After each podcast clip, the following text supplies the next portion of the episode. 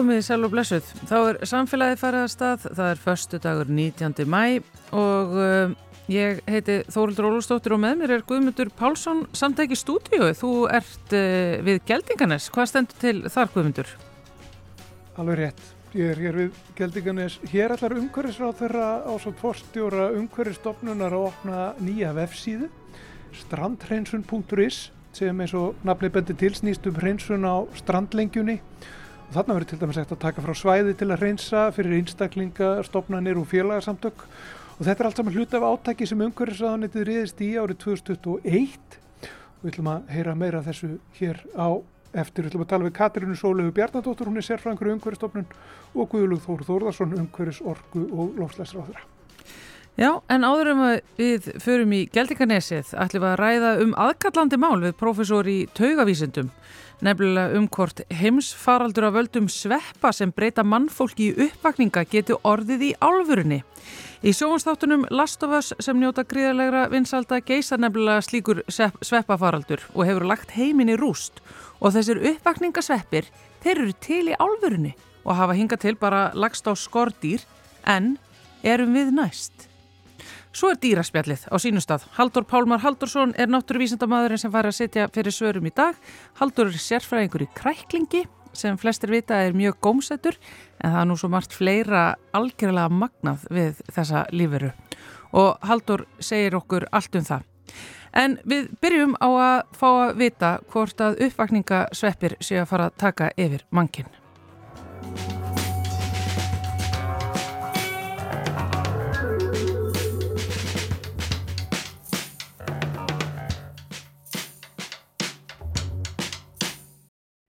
Ég komið hingað á landsbítala svæðið í eitt á húsunum sem stóð hér fyrir, heitir Læknagarður. Ég komið inn á skrifstofu til profesor sem heitir Pétur Henry Pettersen. Sælvestu. Sælas. Ég er hingað komin til þín af því að ég eins og svo margir aðrir er dottinn ofan í sjónvarseríuna Last of Us sem hefur algjörlega sleiði gegn og er líklega það allra vinsalesta í sjónvarpuðum þessar myndir. Uh, og ég hef spurningar, Pétur. Uh, byrjaðu kannski bara á því að með okkur hlustendum að ef við rifjum aðeins upp um hvað Last of Us uh, þættirinn snúast. Já, nú spyrir þú mann sem er, er náttúrulega alvarlegu fræðimaður og horfið náttúrulega ekki á slíkt sjónvarsefni, sko. Ég, horfið nú mest á landan, sko.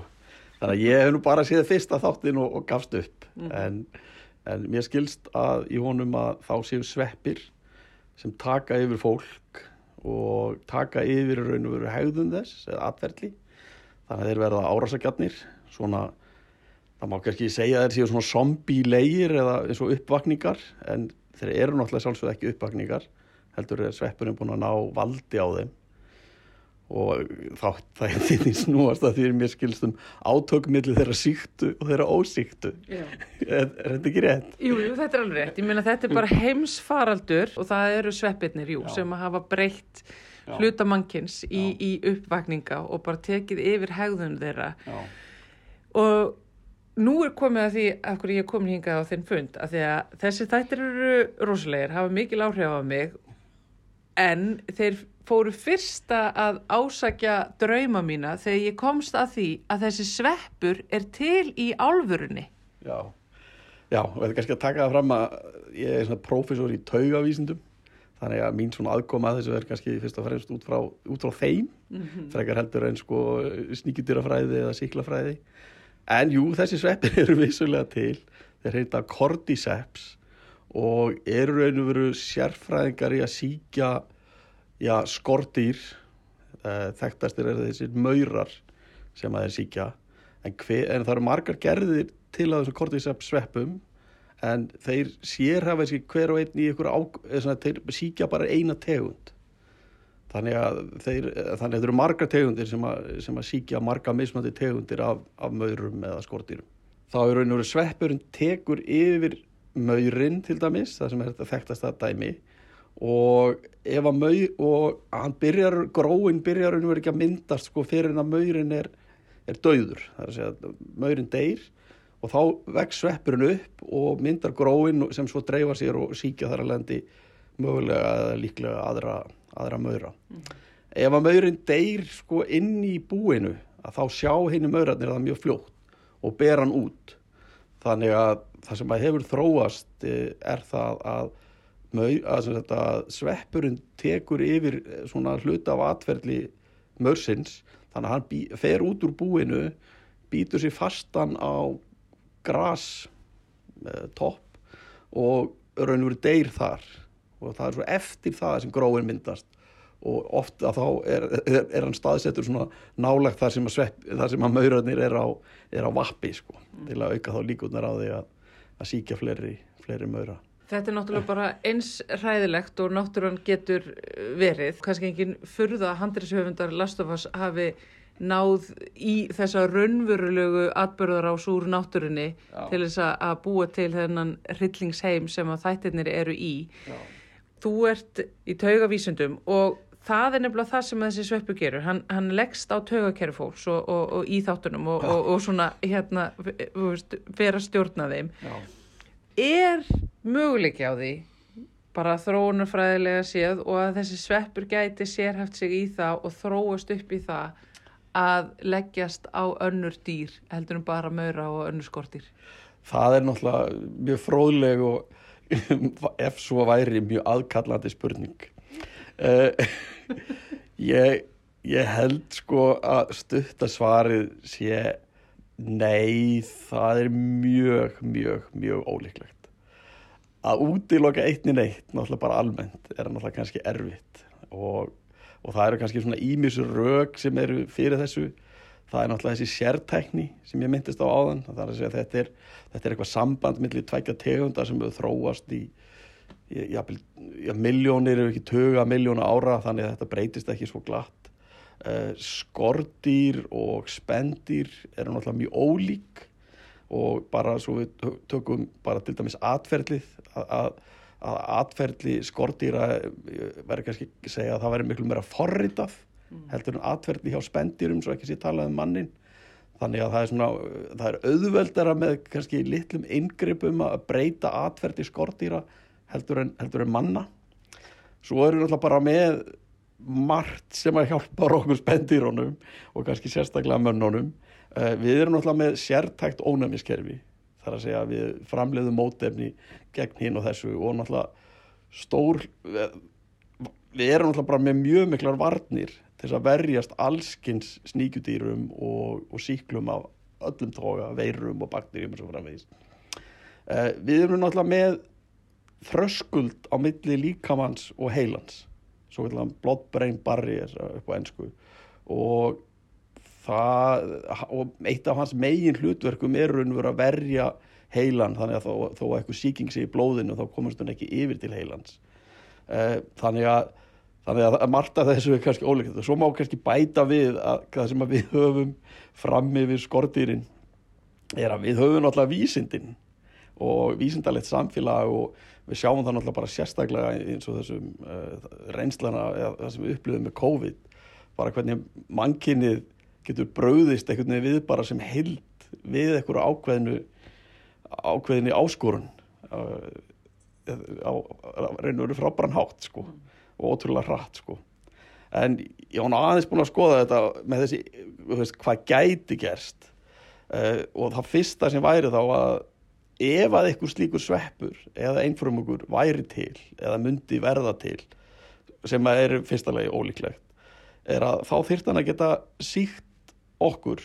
Hann þýrt að komast fram hjá ónæmiskerfinu og yfirleitt eru sveppir e, þróaðir eða lifað að búa við lagra hittasteg heldur um nokkar líkamsitta þannig að það er strax eitthvað.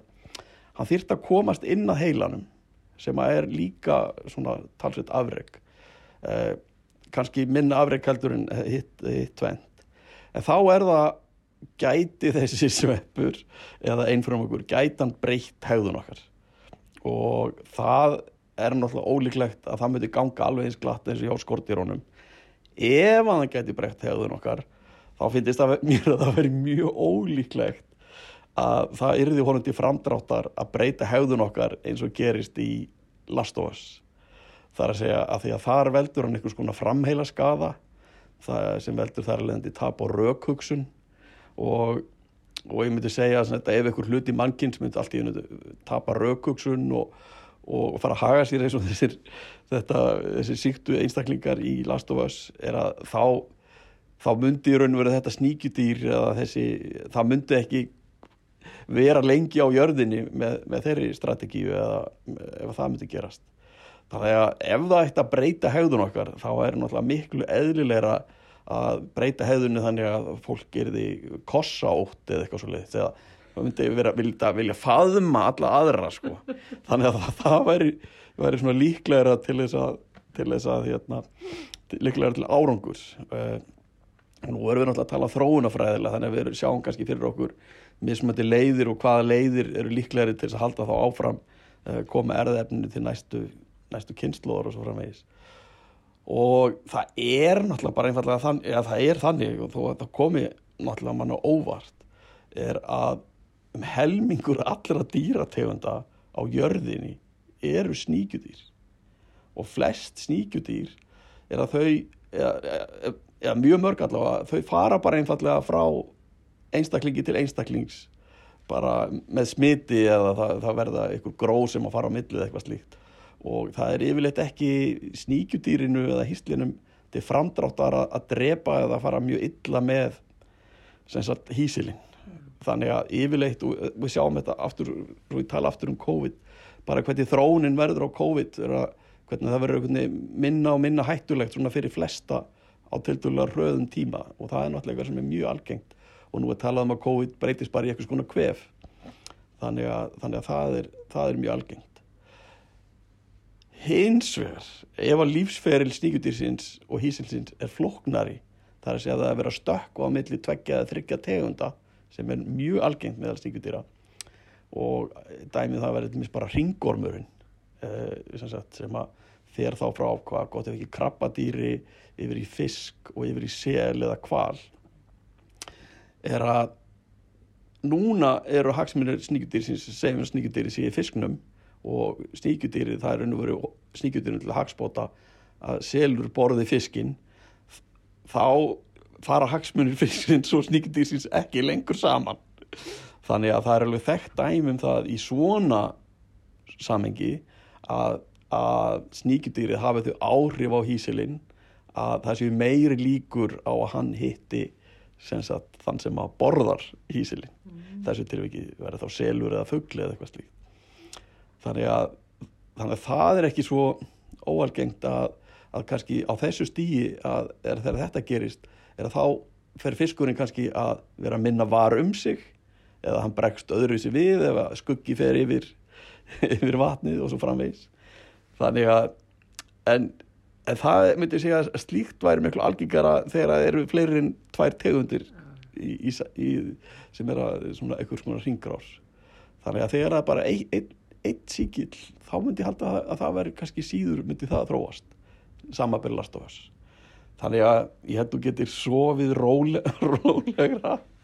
En ég eða þessi kannski eitthvað annað sem við getum ótast Ég, ég menna, ég, ég trúi þér, ég menna, þú ert profesor hér, já, þannig að ég menna, er, er nefnendiðin er ekkert að spyrja það að þessu? Nei, þau eru nú ekki, hafa ekki að það gert það sko, við erum að marga aðra luti. Þetta er alveg samt bara á marganátt mjög fróðlegt og þá má ekki segja sko að taugavísindi nálgast þetta svona bara frá annari hlið sko að því að við höfum alltaf áhuga á atverðli hvernig þróast að, minna og atverðli tengis náttúrulega sjúkdómum til dæmis og, og þannig að þannig að þegar það eru þekkt þessi dæmi um sem sagt eins og þarna sveppur eða einfrumungur sem hefur áhrif á atverðli uh, skordýrs þá segir það okkur eitthvað um hvernig atverðlið hvernig því er stjórnað. Og það er sem er kannski þekktast náttúrulega með mannin eru svona toxoplasmasíkingar og, og það verður nú ekki alveg vera á reynu sko hvort eða að hvað miklu leiti sko það hefur áhrif á atverðli sem er haldað því fram að þeir telja það ekki trúanlegt. En eða þú kannski kannast við það er þetta sem að kemur raun og veru frá köttum eða kattasauður og ætti raun og veru að fara yfir í nagdýr eða það er sem sagt náttúrulegt takmark en, en fer óvart í þá fólk sem er að þvælast í kattasandi á þorfu eða við aðra aðstæður að borða rátt kjöt til dæmis getur ítt undir það það er svolítið fróðlegt sko af því að þá er raun og veru maðurinn endastöð. Það er að segja sníkjutýri fer ekkit úr manninu en kannski fyrir einhverjum 20.000 ára að þá voru stór kattardýr sem að voru að geta mennina. Og þá hefði maðurinn ekki verið endastöð.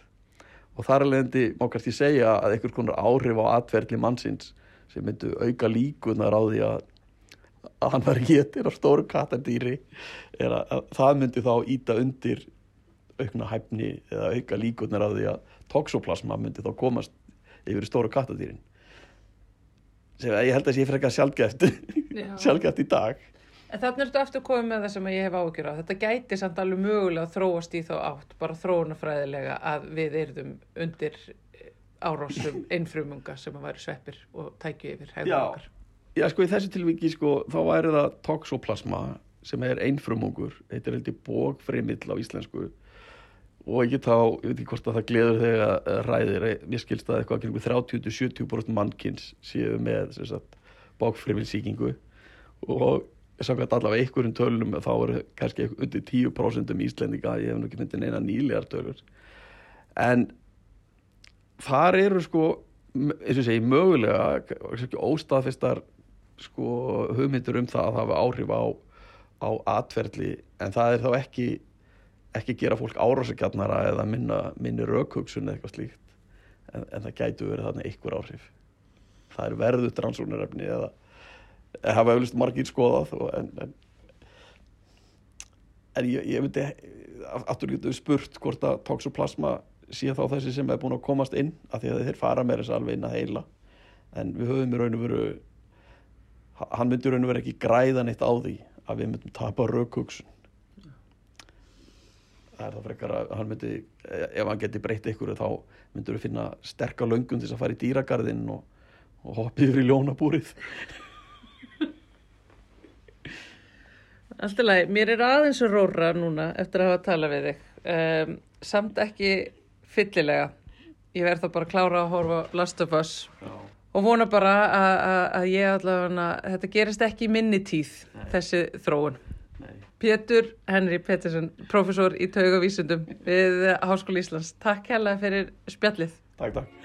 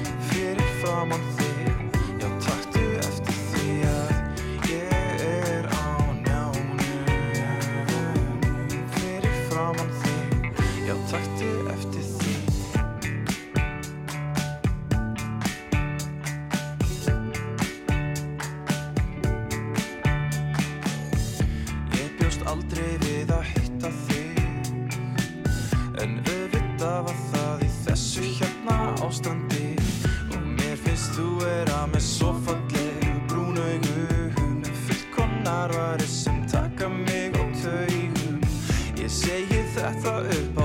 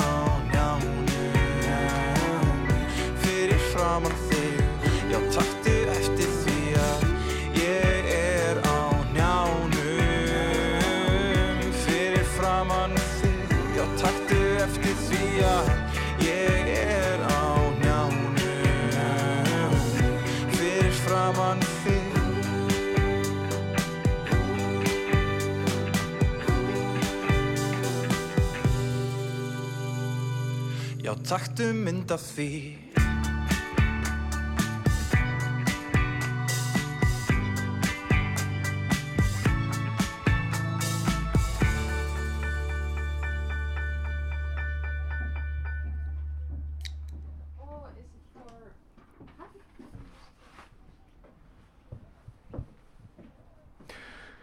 Já, ég stættur hér í Geldeganesi, eða við Geldeganes og hér er fullt af fólki að týna rusl og það er bara tölvast af rusli sem að hefur verið týnt núna á þessum 20 mínútum sem að ég hef verið hér. Eh, hér var verið að opna formlega heimasíðuna strandhreinsun.is og verið að hvetja fólk til að taka þátt í átækinu Strandhreinsun Íslands. Og hér hjá mér er Guðlúð Þór Þórðarsson, umhverfis orku og loslasráð þeirra þú varst hér að týna rusla á hann var mikið, mikið rusla þetta við, við Geldegarnesið?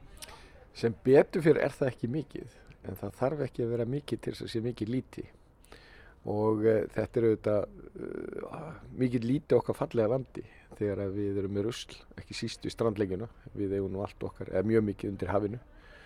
Og uh, þess vegna er nú við með þessa, þetta átak sem er svona partur á starra átaki úr viðjum plassins, þetta er aðgera áallu nummer 17 held ég.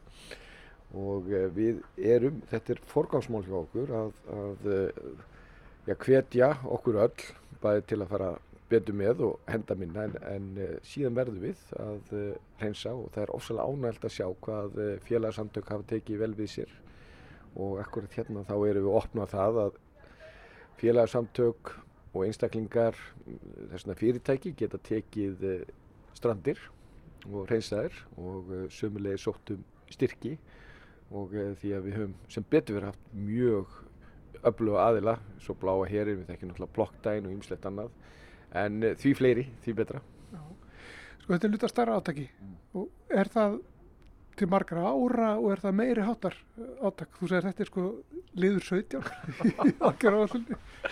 Já, það er uh, til margra ára og þetta átak er til uh, 5 ára og því að þegar kemur umhverfismálum og náttúruvendamálum að það er bara í mjög mörg hortna líta en ég fer ekkert í grákvöldu með það að mér finnst, og ég er nú búin að ferðast við um heim, að mér finnst þetta að vera mikill ósómi að þessu hvernig við Íslingar förum með okkar fallega land að mörguleiti og þá sérstaklega það að þú sérð rusl við það og uh, við verðum bara að breyta þessu. Þetta er bara partur okkar uh, já, þetta, er, þetta er eitthvað sem einhver, einhver ómenning hjá okkur og núna er mitt að fara gegnum þingið uh, frumvarp sem ég flutti um að herða því að það sé banna að henda ruslu allstaðar og það kosti. Það, og ef að fólk hendi rusli þá má það eiga vona því að verða sektað eins og þekkist í mörgum öðru löndum. Og á hverju? Ekki bara þetta sé sko illa farið með náttúrun okkar sem að við erum að bera uh, virðingu fyrir og koma til næstu kynnslóða uh, helst í betra ástandi heldur en, heldur en var heldur líka bara kostar þetta. Sóðaskapur kostar og það er bara eðlilegt að sóðarnir borgi. Já. Sko ef við, við kíkjum á hrúuna sem er hérna þá er hérna, það er björndós hérna það er ísboks og, og svo er hérna góðstrykja umbúðir og svo er bara eitthvað sem er ómulegt að segja hvað var. Þetta er alls konar rusl sem, og þetta fíkur nú eftirlega hingað hérna og þaðan sko í, í, á, og endar hérna á ströndinni. En það er líka einmitt sem, sem berst sko, með hafi uh, híkað og það er stönd verið að tala um að, að sjáratöðurinn getur nú borið uh, ábyrð á því að ykkur leiti, það er kannski ykkur svona hluta veiðafærum og ímislegt sem að kannski fellur fyrir borð og það er kannski ógáti líka, rusl og, og, og annað. Eh, er mikilvægt að, að eh, já, þau sem eru með starfsemi á hafi úti og við hafið takið þetta til sín og, og takið svolítið svona já, hagslít alltaf ábyrð meiri. Ég, það er engin spurning, allir er að setja marki hátt og uh, en það er sem betur fyrir, ég finn ekki annað en vilja eins og til aðtunlífinu að, til að taka þátt í þessu. Og en þegar að kemur að þessum þáttur sem þú nefnir að þá snýr þetta svolítið að, ekkert svolítið að útfæslinni ég held samt sem áður að svona í hreinskilni að þá held ég allavega með við marga aðra í það minsta því að þetta var bara siður og öruglega hér á Íslandi líka að, henda bara í sjóun, henda veiðafærum og ég held að það sé nú ekki, ekki mikið vandamál en það breyti því ekki að það er síðan hvernig við tökum þegar við erum búin að nýta veiðafærin og annars líkt hvernig við endurvinni sem er kannski eitt af því verkefnum sem við þurfum að standa okkur betur í. En uh, sumt náttúrulega kemur mjög langt að en við Íslendingar við eigum bara að setja okkur markmið að við ætlum að vera bara best í þessu. Við erum, uh, þegar við set, þegar við ákveðum eitthvað slíkt og, og, og það átt að ávera svo augljóst í okkar stærsta hagsmunumál eru umhverfismálin. Við erum matalega þjóð, þú nefndir sjárótvin og við erum framlega að veiða, veiða fisk. Við erum með, með ferðamennina og við viljum líka ferðast sjálfum um landið. Við erum öll samála með viljum hafa hreint og fagurt og, uh, og við getum það því að þú nefndir ruslið það er, það er líka teppið og ég hef mjög uh, það væri fróðult að vita hvernig það ykkar ég held að það sé ekki neitt í góður afstöð það var alveg öruglega ekki notað hér En það er náttúrulega líka sko, það voru öskuhör hérna ekkert langt frá mm. í Guðunesi og það er starfsemi þar eh, sem að það sem er að já, vinna með, með sorp alla daga. Mm. Hérna út í Hálsnesi er náttúrulega urðunastæður. Eitthvað lítur að fjúka frá þessum stöðum. Það því nefnir að ég var í fyrra, ekki ár, þá voru við að plokka 40 mann, svo vorum við að plokka hérna í Guðunesinu. Frábært, rosalega gaman, en það var svo mikið af rusli, það var ekki fjörunni heldur í landið og svo gekk ég heim eins og ég ger átt og þá gekk ég fram í sorpu. Og þá sá ég hver allt rusli kom vegna þess að eh, menn er ekki að loka ekki nógu vel þegar bílan annað slikt er að koma. Uh, Jú, ég rætti þetta af fórustum með sorpu sem er að gera úrbætur á þessu því að þetta er alveg hræðilegt að við erum með flagskipið þegar kemur að, að sorpmálum og ef mann gangi ekki nægilega vel frá því þannig að það fíkur yfir allt hverfið. Að því að mér fannst þetta orðið að því þú nefndi hvaða þar er mér fannst þetta mjög grunsalegt hvað uh, fjölbreytna í ruslinu. Og það var og ég fjallust alveg hendur búin að vera að plokka í marga klukkutíma með koninu og hundinum og, og, og mikið góðu fólki og, og svo gekk maður framjá og sá, sá uppsvettuna en, en þetta er samt svona dæmi um að það verður að hugsa þessa hluti alla leið. Hvað sem að það eru byggingasvæði eða við veslanir eða, eða, eða hvað það er. Við verðum að hugsta allarleið við þekkjum það náttúrulega að, að það blæstundum á Íslandi. Og það þýðir það að það þarf ekkert mikið til að hluti fara á, á, á flegi ferð og, og verða þá að, að rusli. En svo er náttúrulega í grunninn þetta líka þannig. Þar sem að við þurfum að læra núna og þurfum að gera hratt að rusl er verðmætti þess vegna skiptir mála að flokka það. Uh, og við höfum sínt á öðrum sviðum að því þú nefndir sjárótvegina í heiminum er það þannig að helmingurinn af því sem kemur úr hafinu er hend við vorum á þeim stað ekkert um löngu síðan. Nú nýtum við allt saman og sumt af því sem við hendum er orðið verðmættar heldur en það sem við höfum alltaf notað. Þannig að uh, þetta er ekki segja spennandi verkefni en verðum að sinna því. Já, og þetta er nú þitt hverfi þetta, svo það er sagt. Þannig að ertu dúlur að týna röslu og sér það á guttunni þegar þú ert hérna að gangi um hverfið? Ég reyni það en uh, svo hefur tekið virkað þátt í, í uh, eh, blokkdein með, eða ekki reyni það, ef maður sér rusla þá reynir maður að, að teku það upp uh, ef einhver kostur er. Því að þarf bara eina dós. Bara þarf bara eitt ég, ég tala ekki með eitt teppi og bara þá ertu bara horfir og, og við skulum ekki gleyma því að því hér náttúran er líka í borginni. Þetta er ósnorti strandleikja er, og ég komi hérna, ég veit ekki hvað oft, uh, sérstaklega eftir að við fengum okkur hund, þetta er, þetta er alveg stórkoslegt svæði. Og það er alveg ótrúlega sorglegt og ömulegt þegar maður er í náttúrunni eins og maður er hér í borgin okkar uh, þegar að maður sér sóðaskapin. Takk fyrir þetta Guðluð Þór og hér er líka Katrín Sólei Bjarnadóttir, hún er sérfræðingur hjá Ungverðistofnun. Eh, þessi heimasíða sem var opnu núna áðan formlega hér eh, í Geldingarnisinu, strandreysum.is. Hvað getur sagt okkur um þetta? Þetta er hlutið af þessu átaki? Já, það er bara það sem að breytist núna náttúrulega bara að, að átaki byrjið 2021 og, og hafa verið útlitaði styrkir síðustleginn tvö ár í þetta verkefni. Það sem að breytist kannski í dag var að heimasíðan var að opna formlega og með því að, að kalla saman hérna ráð þeirra og fórstjóra umhverfstofnunar Sigurúnu og fengum starfsfólk bæði frá okkur umhverfstofnun og frá ráðanendinu e, eh, sjálfbúðarlega til þess að formlega prófa heimasíðuna, Guðlaug tók hérna frá strandbút og hérna og þá svona er svona, svona upphafspunktur á, á heimasíðunni og, og hvernig við notum hana og í leiðinni er náttúrulega að opna líka fyrir styrki og, og er það frjálst uh, fyrir hvert sem er að þannig sé að, að, að sækja um. Og það eru allar, allar reglur um hverjir, hverjir geta slótt um í reynu heimasíðinni og hérna og þá sérst, getur við bara tekið frá uh, strandbúta, marga undir uh, kennitölu, til dæmis bara íþróttafélags eða eitthvað þess áttar og, og svo bara er styrk umsókn inn á heimasíðinni þar inni og þá bara fyllur hana út og, og, og þá förum við gegnum það og við útlutum styrkjum núna í ár 2023 er opið og um svona frestunum líkur 9. júni næstkomandi og förum við þá yfir þar umsóknir og erum við 30 miljónir til þess að útdeila á þessar umsóknir sem koma inn. Og þannig er hugmyndina að einstaklingar, félagsamtök, stopnarnir, fyrirtæki og allskis hópar og einstaklingar náttúrulega geti, geti skráð sig og ja, tekið fóstur eiginlega bara, maður segja það, hluta af strandlengjunni. Já, það er hugmyndin. Að, og bara við virkjum alla til þess að taka þátt í þessu átæki og, og raunni og þú veist, fólk þarf ekki að sækja um styrk, það getur líka bara tekið frá eitt standbúð bara eins og guðlur bara í nágruninu sínu og, og, og hérna reynsa þann eða fengi einhverja úr fjölskytunni í einhvert smá verkefni bara saman um einhverju góðu veðri og þess áttar. Já, það var ekkert mynda guðlu í það búinu sem hann tók frá og þetta ringi í hann. Ég fylgis grann bara með því við fylgjum grann með því. Það er náttúrulega hægt að lappa sko allt geldingar þessi sko þannig að hann getur þar alveg eftir hérna fyrir hann. Hann ná eftir. Er þetta, þetta ringin í kringu landið? Já, 5.000 km en þó með þann fyrirvara það eru e, þó nokkra strandir sem eru óaðgengilegar og eru í rauninni fráteknar, það er ekki hægt að taka þær frá, það er bara hættulegt.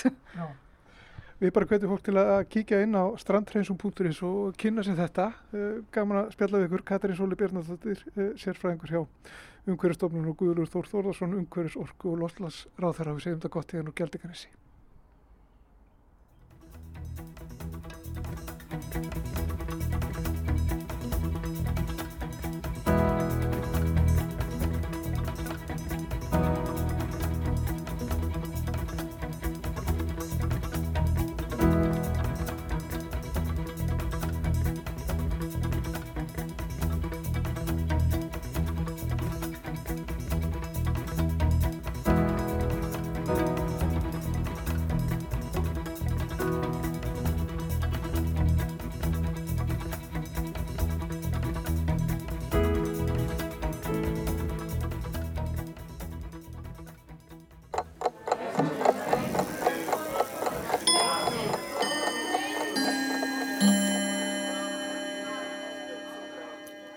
Orðið meðlimur hefur rutt út ýmsum öðrum ágætum orðum og tekur nú mikið pláss í málinu.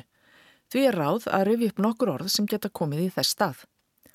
Fjölskylda dugir alveg í stað fjölskyldumeðlima, en líka skildmenni, ættingjar, ættmenni, afkomendur, börn, sískinni, foreldrar, allir í fjölskyldunni og svo framvegis. Í stað hljómsveitarmeðlima er alveg nú að segja bara hljómsveit og í áhefnum skipa eru skipverjar fremur en áhefnarmeðlimir en það er aðeins flóknara með áhafnir flugvila. Í hvers konar félagskap, hvort sem það eru kvennfélög, kórar, golfklúpar, gönguhópar, söpnuðir, frímúrarar eða hvað annað, eru félagar fremur en meðlimir.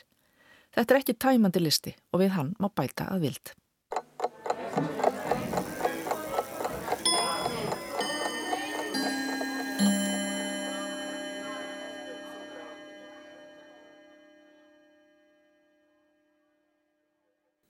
Þá komið að dýraspjallinu hér hjá okkur í samfélaginu. Þetta er fastur liður hér hjá okkur, kemur reglulega inn. Við erum ekkert alltaf að tala um dýr, eða svona, jú, oftast. Við erum aðlega bara að fá til okkar okkar helsta náttúruvísenda fólk og svona aðeins svona anda ofn í hálsmálið á þeim tjekka á því hvað þau eru að skoða, hvað þau vita, hvað þau eru að rannsaka og hvað þau eru að gera og hefum nú ekki komið af tómum kofanum hinga til og gerum það vantilega heldur ekki að þessu sinni. Hann er sestur hjá okkur Haldur Pálmar Haldursson, hann er lífræðingur og forstuðumadur rannsóknarsettus Háskóla Íslands og Suðunisjum. Sælverstu Haldur? Já, sæl.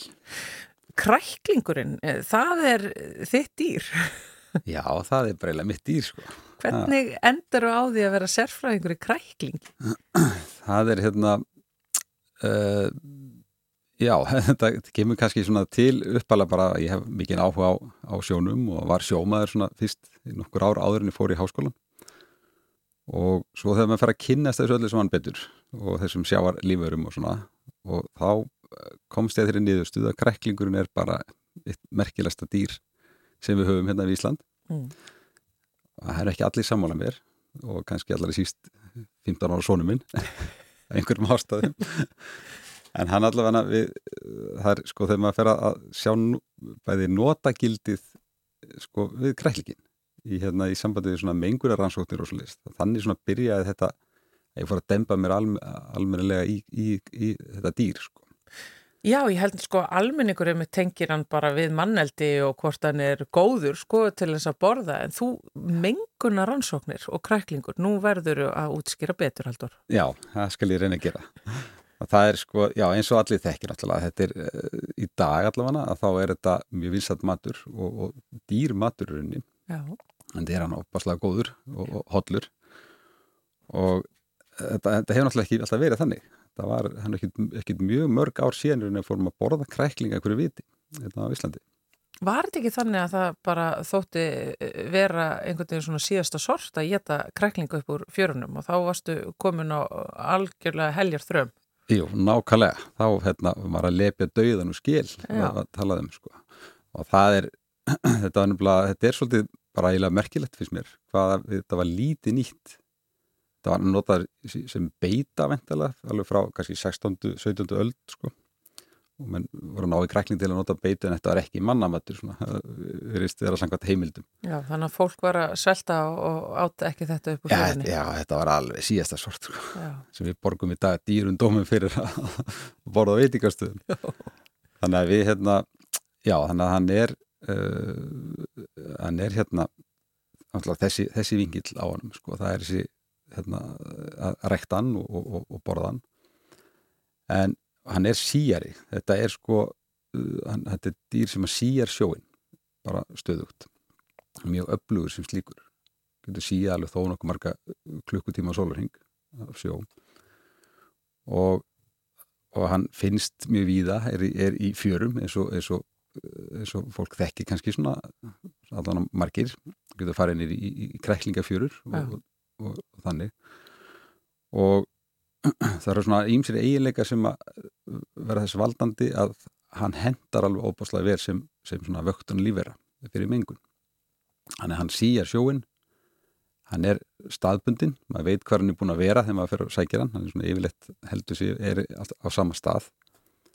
Og hann, hérna, hann er óbáslega hardgerður hann þólir svo rosalega mikið seppur í, í hita og seltu og, og þurki þannig að maður getur tekið hann hvort sem er að sapna bindu fjöru og ná í hann úr fjörunni og, og mæla hann eða að setja hann út á þá staði sem maður vill mæla bara í búrum. Og, og láta hann vera úti í ákveðin tíma 2-3 mánuði og taka hann svo inn og, og þá gerir maður alls konar mælingar á hann og hann endur speklar umhverju sitt svo vel þetta er svona það sem ástæðan fyrir að við erum að nota kræklingi svona mikið í, í, í svona mengunar rannsóknum og vöktun. Þannig að þetta er bara levandi mælingartæki. Algjörlega. Og sem ja. bara gefur okkur allar upplýsingar um þá ástand hafsins. Já, mjög, mjög miklar upplýsingar. Ekki kannski ah. fyrir allt sko, en, en maður getur notað bæði það að tökum maður inn og við mælum hvað hann er að vaksa mikið og hvernig hann er svona liðið bara á þeim stað sem hann var. Ja og við, við hérna uh, tökum já, dánatíðni og svona alls konar líffræðilega þætti. Og svo tökum við líka svona efnagreiningar þannig að við tökum sköfum sko allt hérna, þetta sem að gómsæta inn í honum, tökum það innan úr og, og það er efnagreint. Og þá getum við sé hvort það sé til dæmis málmar eða, eða hinn á þessi efni er, hvort hann hafi sapnað þeim upp í, í vefin og svo líka hérna eru við, það sem, við, það sem við sérum okkur svolítið í, hérna í á seturinn hjá okkur í Sandgerði að það er, það eru svona líffræðileg mælikvarðar. Ja, bíomarkerar tölum um.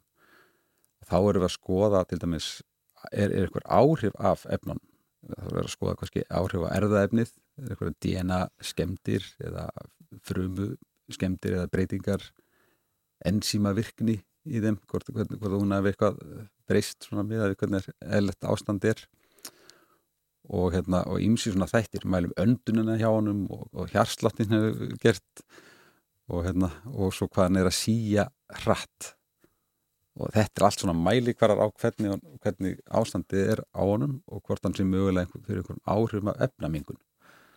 Og, og hvað er kræklingurinn að segja okkur? Það er ímislegt og það er svona eh, heilt yfir eins og hérna á Íslandi að í þessum rannsóttum sem við höfum að gera hér og, og öktun að þá sjáum greinlega áhrif uh, það er svona sérstaklega tengt svona hafnasæðum og ólíumengun og, og, og svona málmamengun sem fylgir alltaf þannig starfsemi. Og svo erum við til dæmis með vöktunina á og hefur verið gett gegnum tíðina hérna við Ísland að þá eru árlega hefur verið gert frá, frá 1989 að sapna uh, græklingi á nokkru stöðum í kringu landið bara úr fjöru. Og þar hérna það komið mjög góða svona langtíma seríu svona yfir, yfir sérstaklega snefilefni eða, og málma. Hvernig þróun hefur verið hérna við Ísland á, á nokkru stöðum sko yfir tíma. Og þá eru ákveðin málmar, það er sérstaklega hérna á Íslandi er að kadmíum, eða kad, kadmín þungmálmurinn. Sem hefur verið, eh, er svolítið náttúrulega hár og hérna, það er svona eða helst það sem er, er kannski, já, er svona yfir, við og yfir mörgum með það að mega vera borðakrækling sko. En, en að þú talar um hann sem náttúrulega háð, er þetta, er þá ekki út af einhverju sem við mennirnir erum að gera og menga? Nei, þetta er nefnilega, sko, þetta er eldvirknin og, og þetta við sjáum þetta alveg. Þetta er bara eldfjalla. Þetta er eldfjalla áhrifin, sko. Já, já, vá, allstar komur þau fram. Já, akkurat. En hann segir okkur vantilega líka um, já, hann, hann, hann var bara samt örglega líka ljósi á það hvernig við erum að koma fram við hafið okkar, er það ekki?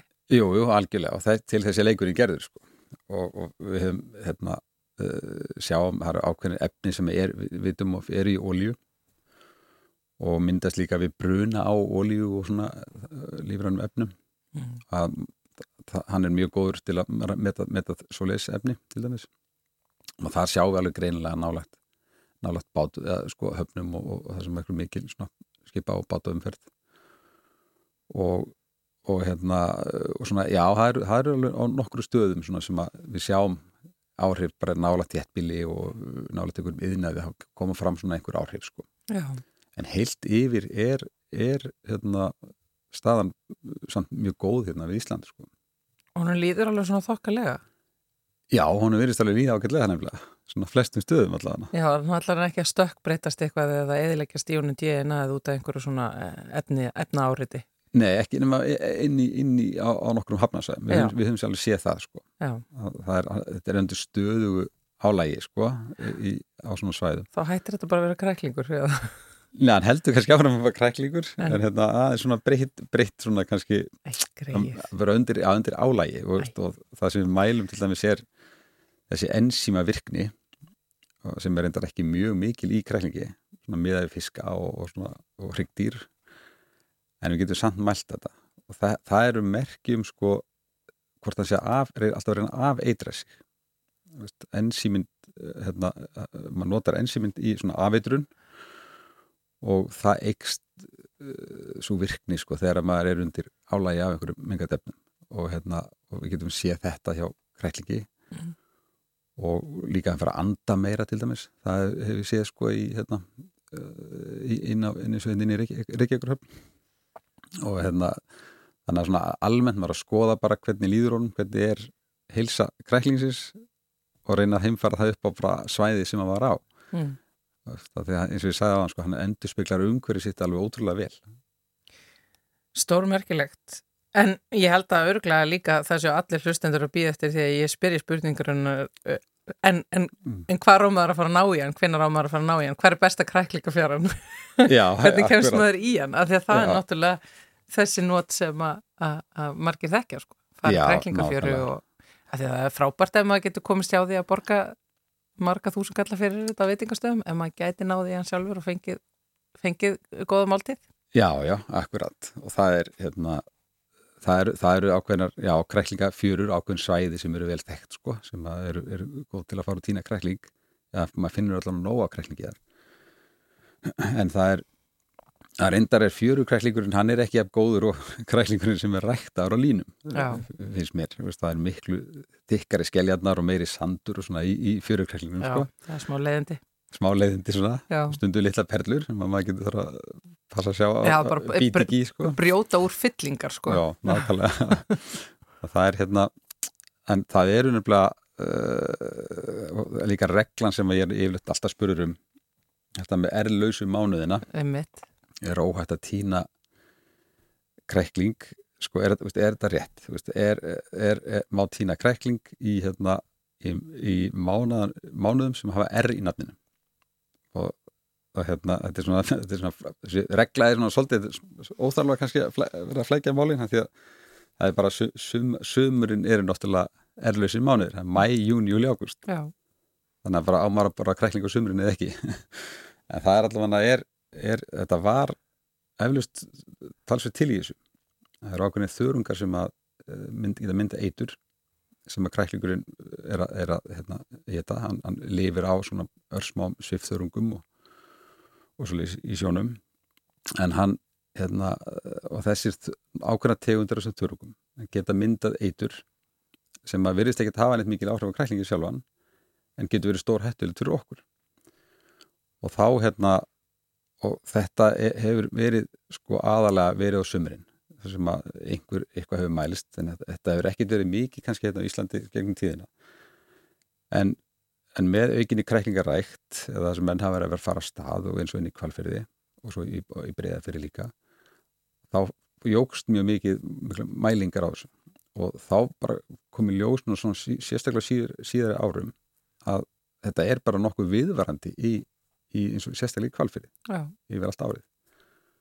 Og, og þá er ekki á maður ekki að vera að týna kræklingi fjörum af því að þetta getur verið ansi svæsin eitrun En efur þetta ekki einmitt líka bara eðilagt kræklingafjöruna? Það var miklu meira gengið í fjörur og satna krækling hérna áður fyrr. Uh, er það, maður heyrir ekki eins mikið að því í dag, er það ekki einmitt út af þessu að því að fólk bara treystir þessu ekki lengur? Jú, ég get alveg trúið því og það er líka ástæða til sko að, hérna, að þetta eru já, þetta er svona þetta er mis, mismöndi eitur sem það getur verið, það er svona veldur niðurgangi og miklu magakveisum.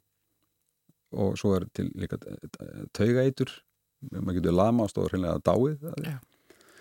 þannig að það eru en eftirlitið er ekkert reglulegt á þessu sko. Já, þannig að maður Við vill bara ekki taka á. Já, Nei, en það er svona en gegnum tíðina og eins og í breyða fyrir þá hefur komið stundum mitt sumar þá hafa menn veist, komið frá þessi eiturinn aðeins en miklu minna heldur en hérna eins og í kvalfyrir já, og í rauninni þá var þetta einn aðal ástæðan fyrir að kræklingarækt bara læðist af. Það er engin kræklingarækt lengur inn í, inn í kvalfyrir sko. næni. að hérna, þegar þetta bara orðið meira að minna allt árið þá má aldrei uppskýra en þá er líka bara ágætaðum líka minna það sko þegar kaupir krækling út í búð frá kræklingaræktendum þá er það alveg öruglega í lægi það fylgst svo vel með þeim Og það er líka í línu og... já, og það er sett út á línur veist, og, og, og, hérna og það eru, það eru sko öryggir kræklingar. Hljómar þá í rauninni bara eins og maður sé eiginlega bara, já, þurfi eiginlega bara að kaupa þetta í staðan fyrir að gera eins og í gamla daga, sko. Það er maður þurfti að vinna inn fyrir þessu, öruggara. það er öryggara og það er allavega er, er vorin og, og sem hafa alltaf verið örygga, öryggasti tíminn sko. Mhm.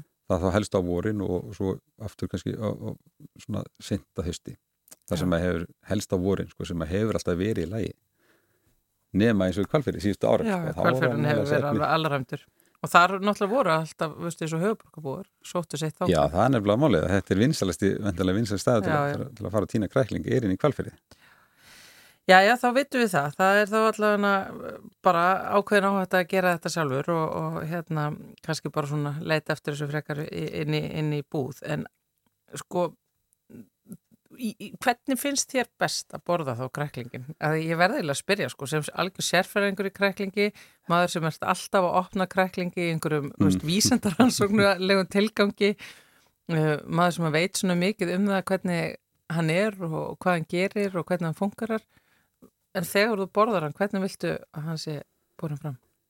Já, þegar ég borða hann. Það er nefnilega, ég er kannski það er ekki allir alveg eins og ég sem er að vinna mikið með hann sem er að borða hann. Já, þú fær bara hvað, bara svona tengist honum og mikið? Nei, bara einhvern veginn að maður fer að vita svo mikið hvað maður er að borða. Það er allavega að ég borða hann alveg áfram og, hérna, og mér finnst hann ofbáslega góður. Og þá er það bara einföld ég setja hann stundum bara í örbyggjón og hérna, maður getur sett hann í örbyggjuna og í, í 2-3 mínútur maður er með kannski 5-10 kræklinga í svona skál. Og það er eins og þessi guðusóðin þá sko. Já, mm, og það hérna við, við notum þá aðferð til að mæla, meta sko holdfyllinguna. Og það er, maður ger, gera ákvæðan hátt með örbygjöfni og hann er alveg fullkominn til að borða eftir það sko þannig að hérna en annars bara eða, eða sjóða eða, eða, eða þann- þannig sko þetta er mest allt gott sko já, allt gott það. Sko, þegar við erum uh, að fara með krakkana okkar í, fjöru og erum að sína þeim kræklingin, hvernig myndur ráðleika okkur að við kynnum uh, þetta dýr fyrir börnum? Af því að það er svo nærtækt bara fyrir okkur að gera það.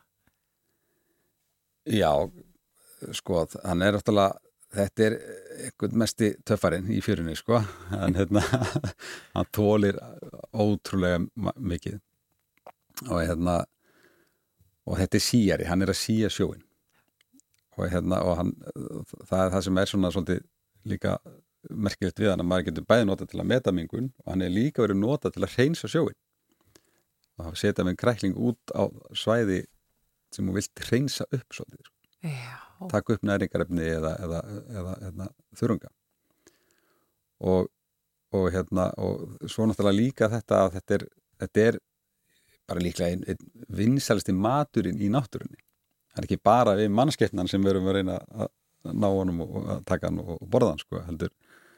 Þá eru sko krossfiskar og nákuðungar það eru litið svona sníklar í fjörunni. Já, beitukongur og hérna krabba, krabbar það eru allir og æðafugling sérstaklega til dæmis Já. og, ýmsum fuglum þá er þetta bara vinsalsti maturinn í fjörunni og hérna kannski líka ágætt að, að ef þú ferir inn í fjöru og vilt sjá krækling og svona sæmilega stóran krækling að þá er þá, ef, ég veit ekki, þú kannski ferir svolítið í kræklingi fjöru sem, sem, sem krakki eða, Mhm. að hérna að þá er yfirleitt eitthvað feskvatn eða það sem ma maður finnur svona sæmilega stóran krækling. Við árósa eða þannig. Að það ástæðan er svo að, að hann þólir svona lága seltum en ekki dýni sem að vilja borða. Þannig að maður, ef maður er að leita kræklingi að þá er yfirleitt aðtöfum maður svona hvar er eitthvað feskvatn að koma út. Eitthvað svona útfall, já. já, og eitthvað svona hreint, vatn að koma út og, hérna, og þá er oftast þar í nágrunnu finnum maður stærri og svo minka og maður sér kannski mjög mikið af pínulitlum kræklingi ákveðnu svæðum en svo eru þeir bara, þeir bara borðaðir upp hérna, uh, það sem er full selta og það er svona yfirleitt já það eru þessi dýr svona fyrst og fremst krossfiskurinn og fuglarnir og, og sníklar Já, þetta er náttúrulega algjörlega stórkoslegt. Hefur hann verið kallað nýru hafsins? Eins og lýsur einhverjum.